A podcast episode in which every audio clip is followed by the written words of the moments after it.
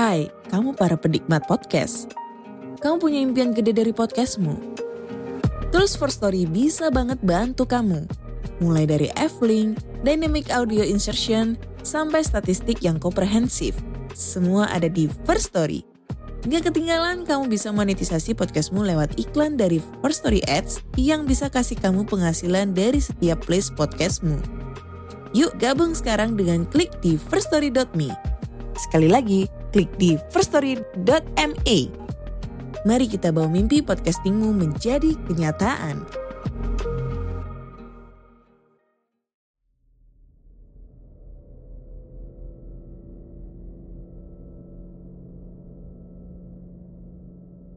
Halo selamat datang dan selamat malam Sobat Raya apa kabar kalian? Semoga kalian ada dalam keadaan yang sehat dan bahagia Mohon maaf ya kemarin nggak bisa upload. Harusnya kemarin sih Cuman kemarin itu di sebelah ada acara. Jadi sampai malam jam 12 uh, eh, Saya udah tungguin tapi belum beres juga. Tapi ya nggak apa-apa kan mereka tengah berbahagia. Kita juga ikut bahagia aja. Nah untuk mengatasinya saya pergi ke tempat lain kayak gini. Semoga ini bisa buat ngerekam dengan baik lah. Jadi kalau misalnya ada noise ada yang lewat-lewat gitu ya mohon dimaklumi karena saya nggak lagi di tempat yang biasanya. Mic-nya juga pakai headset ya. Tapi itu tidak mengurangi semangat kita untuk membacakan cerita horor buat kalian. Nah, udah masuk beberapa email dan juga artikel yang akan menemani kita di malam hari ini. Yang pertama datang dari Delby Queen yang menceritakan pengalaman saat SMP. Halo, assalamualaikum kak. Saya di sini mau berbagi pengalaman yang pernah terjadi di sekolah saya sebelumnya. Tepatnya cerita ini sebenarnya bukan terjadi langsung pada saya, tapi semoga cerita ini nantinya bisa dijadikan pembelajaran untuk kita semua. Khususnya untuk para pelajar, guru, dan semua yang selalu beraktivitas di sekolah. Hal ini terjadi semasa saya SMP, tepatnya di kelas 8. Sekolah saya ini adalah sekolah yang cukup difavoritkan di daerah saya dulu. Tidak tahu ya kabarnya kalau sekarang. Mulanya hal ini berawal dari para murid-murid yang sedang marak-maraknya menceritakan kisah betapa seramnya sekolah saya itu hingga masuk ke dalam Indonesia Horror Story. Semacam cerita dari sosmed seperti itulah dulu. Ada sebagian dari mereka yang menunjuk area perpustakaan ada penunggunya lah. Di setiap sudut sekolah lainnya juga adalah dan sebagainya. Tapi kalau dipikir buat apa hal-hal tersebut harus dijadikan semacam momok. Tuhan itu memang menciptakan manusia berdampingan dengan alam lain jadi kenapa harus dihebohkan seperti itu? Bahkan yang saya tidak habis pikir, mereka heboh sekali menceritakan itu sambil menunjuk setiap area yang dimaksud di sekolah. Bayangkan jika kamu sedang dibicarakan sambil ditunjuk secara langsung. Apa kamu nggak kesel? Oke, okay, back to the topic ya. Tidak lama hebohnya cerita itu. Ini sebenarnya lebih ke kebiasaan anak laki-laki yang semakin lama semakin jorok mereka tidak hanya sembarangan buang sampah di setiap pojok kelas dan di laci meja. Parahnya itu sampah yang berbau. Seperti bekas bungkus somai, es, dan sebagainya. Oke lah, mungkin tidak hanya anak laki-laki saja yang suka buang sampah sembarangan. Nah, kalau ini memang hanya laki-laki yang bisa. Saya pernah pergoki dari luar kelas. Mereka mulai kebiasaan buang air kecil di tembok sembarangan tidak hanya di kelas saya, tapi rata-rata setiap anak laki-laki kelas 8. Kelas 8 seluruhnya ada di lantai 2, dan kelas saya berada di posisi hampir pojok. Masih ada sisa satu kelas lagi di sebelah kelas saya yang berada tepat di pojok atau sudut bangunan lantai 2. Tepat di antara dua kelas ini yang menghadap muka depan halaman sekolah, memang terdapat pohon besar tua menjulang tinggi. Tibalah kejadian itu dimulai. Hari itu sekitar jam 4 atau jam 5 sore, entah saya lupa jam tepatnya. Tapi yang pasti langit sangat mendung dan gelap. Kemudian langsung diguyur hujan deras. Cuaca cukup dingin dan angin berhembus kencang. Kelas pun sedikit gelap dikarenakan lampu sekolah padam.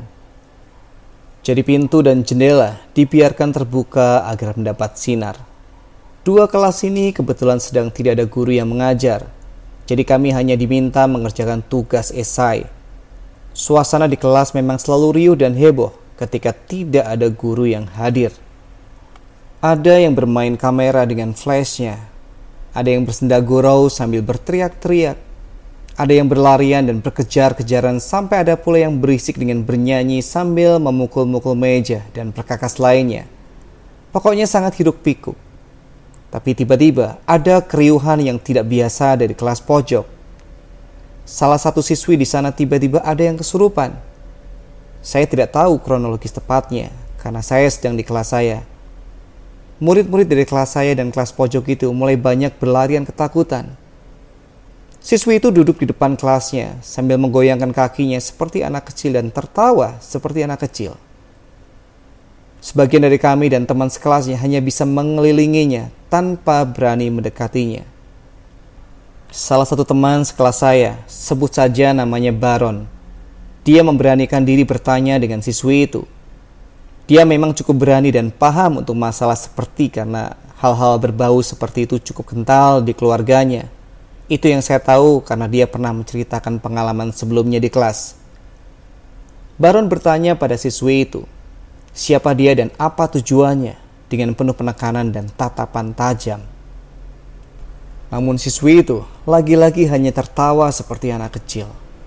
Saya cukup takjub dengan keberaniannya, tapi itu hanya saat sebelum pada akhirnya dia yang juga malah terkena. Setelah dia bertanya dan tak kunjung dapat jawaban, dia tiba-tiba masuk ke kelas sendirian dan duduk di bangkunya. Saya pikir dia sedang masuk dan mengambil sesuatu di sana, atau mungkin alat apa yang bisa membantu menyadarkan siswi itu. Tapi ternyata saya salah. Dan yang terjadi adalah dia masih duduk di bangkunya sambil menatap pohon besar yang ada di luar jendela. Lalu memutar wajahnya melihat kami yang ada di depan kelas sambil dengan gerakan tangannya yang tiba-tiba Siswa itu lentik berjoget sambil tersenyum dia menyindenkan lagu Jawa. Sontak kami pun makin berhamburan ke sana kemari. Belum habis di dua kelas ini. Kelas yang di sebelah kelas saya yang hanya dipisahkan anak tangga. Itu pun lagi-lagi terjadi lagi. Niatnya mau melarikan diri ke sana. Tapi sayangnya kali ini seorang siswi juga terkena. Yang tak habis pikir siswi ini adalah orang suku Bali asli tapi tiba-tiba saja dia bisa menulis aksara Jawa dengan sangat lancar. Yang dia lakukan hanya duduk di kelasnya dan menulis saja. Dia terus melakukan itu dan saya tidak tahu lagi entah hanya mereka atau ada yang lain lagi. Tapi saya dengar setelah itu ada yang sampai pingsan tidak sadarkan diri. Pokoknya tidak lama, guru-guru pun akhirnya cepat datang mengevakuasi seluruh murid yang ada di sekolah saya untuk segera dipulangkan. Pada hari Senin saat upacara sekolah, saat tiba waktunya kepala sekolah memberikan kalimat, beliau memanggil beberapa semacam kiai yang biasa membersihkan dan merukiah.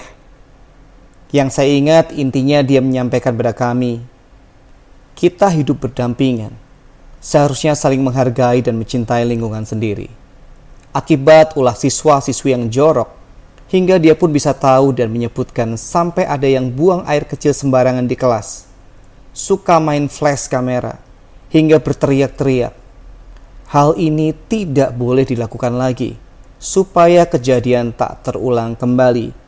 Nah, sampai sini sudah bisa dipahami kan bahwa hal seperti itu tidak boleh. Allah pun mengajarkan kita, kebersihan adalah sebagian dari iman. Maka itu menjadi pembelajaran yang tepat menurut saya untuk anak-anak malas dan nakal Nah, sekian dulu cerita dari saya. Semoga bermanfaat dan dapat dipetik pembelajarannya. Wassalamualaikum warahmatullahi wabarakatuh. Wah, ini saya merinding sih waktu bacain ini. Oke, kita ke cerita yang kedua oleh Mike Johan. Dia menceritakan pengalamannya bertemu sepasang kuntilanak di jembatan kali dekat rumah. Kisah ini adalah kisah nyata hidupku. Aku adalah pekerja di sebuah restoran di Jakarta. Selalu tiap malam aku pulang kerja melalui jalan kecil di dekat kos tempat aku tinggal. Aku selalu pulang kerja jam 2.15 pagi di saat melalui jalan kecil dan harus melewati jembatan kecil yang hanya dilalui oleh dua orang saja di saat bersamaan. Jadi satu dari depan, satunya dari sisi yang berlawanan. Suatu malam aku melalui jalan yang sama dan aku sadar bahwa hari itu adalah hari Jumat di mana jalan tersebut sangat sepi dan tidak ada seorang pun yang keluar di jam tersebut. Dengan santai aku jalan melalui jembatan tersebut. Namun aku merasakan malam itu terasa sangat cerah di sekitar jembatan tersebut. Jembatan itu adalah jembatan di mana ada kali kecil di bawahnya dan ada pohon-pohon bambu di sekitar kali tersebut dan pepohonan lebat di seberang jalannya. Ketika aku sampai di jembatan tersebut, aku melihat sepasang wanita cantik yang ada di seberang jembatan dan berjalan ke arahku dari seberang jembatan. Aku merasa heran karena belum pernah aku melihat dua wanita yang sangat cantik yang putih dengan rambut panjang, mengenakan pakaian ala zaman Belanda, dress sampai ke tanah. Aku jadi penasaran dengan kedua wanita tersebut. Dan saat kedua pasangan wanita itu seperti ibu dan anak yang sedang bercerita dengan amat serunya sambil sedikit tersenyum. Lalu ketika saya bertemu dengan mereka di tengah jembatan tersebut, aku berusaha melihat mata kedua wanita itu Aku melihat sang ibu berbicara sambil mengepang rambut anaknya yang juga sudah dewasa itu. Lalu ketika ibu tersebut melihat mataku, seketika ibu itu membuang mukanya sambil terus bicara dengan sangat serunya. Entah apa yang sedang mereka ceritakan. Aku jadi penasaran. Lalu aku mencoba untuk mendengar suara mereka dan ingin tahu apa yang sedang mereka bicarakan. Dan sungguh aku terkejut dan tidak mengerti apa yang mereka ucapkan karena ternyata aku mendengar seperti suara burung yang berkicau yang keluar dari mulut mereka. Seketika itu juga aku tersadar bahwa mereka bukanlah manusia, tetapi makhluk halus yang biasa disebut kuntilanak. Akhirnya aku berjalan cepat sambil berlari kecil menjauh dari jembatan tersebut. Dan keesokan harinya, aku masih penasaran dan ragu untuk melewati jalan tersebut. Namun tidak ada pilihan lain. Ketika aku baru mau masuki gang di jalan tersebut, aku melihat dua wanita yang berdiri di depan rumah sambil memanggilku. Mas, saya mau minta tolong antarkan adik perempuan saya melewati jembatan tersebut karena rumahnya ada di seberang jembatan. Mereka minta diantarkan sampai depan rumahnya. Lalu aku katakan, "Baiklah, kita berjalan bersama-sama saja ya sampai ke rumah wanita itu. Selama di jalan sampai melewati jembatan itu, kami tidak menemukan apa-apa. Dan penasaran aku bertanya kepada wanita itu, kenapa takut melewati jalan dan jembatan itu sendirian? Wanita itu berkata kalau kemarin di jam yang sama, dia melihat ada dua wanita yang turun dari atas pohon jengkol dengan cepatnya dan berjalan menuju jembatan. Sewaktu melihat itu, si wanita ini segera berlari dan untungnya dia sudah ada di seberang jembatan sehingga tidak sampai berpapasan. Lalu aku bertanya, masa sih mbak? Karena semalam di jam yang sama, saya melihat ada dua wanita cantik berjalan berduaan. Kami berpapasan di tengah jembatan, namun saya tidak tersentuh mereka. Dan suaranya seperti suara burung berkicau, kata saya. Lalu si wanita itu bilang kalau apa yang saya lihat kemarin baru saja turun dari pohon jengkol yang ada di seberang jembatan. Artinya, kedua wanita itu adalah kuntilanak yang baru saja turun dari pohon. Aku sangat terkejut mendengar cerita Simba tersebut. Lalu setelah sampai di depan rumah wanita itu menyampaikan terima kasih kalau sudah diantar. Saya jawab, baik mbak, saya juga senang bisa ngobrol di jalan. Lalu aku segera kembali ke kosanku dengan rasa takut akan kejadian tersebut. Karena selama ini belum pernah saya melihat kuntilanak. Sekian ceritaku yang ingin aku bagikan ke teman-teman semua. Dan pesanku hanyalah berhati-hatilah di jalan saat kamu berjalan sendiri melewati jembatan kecil yang ada kali kecil dan pepohonan bambu di sekitarnya. Karena di sanalah tempat mereka biasa bermain. Terima kasih. Oke, itu tadi cerita dari Mike dan juga Delby Queen. Pengalaman horor yang sangat menakjubkan sekaligus menyeramkan. Terima kasih sudah berbagi dengan RHI. Dan buat Sobat RHI, semoga kalian terhibur. Sampai ketemu di cerita berikutnya. Selamat malam, selamat beristirahat.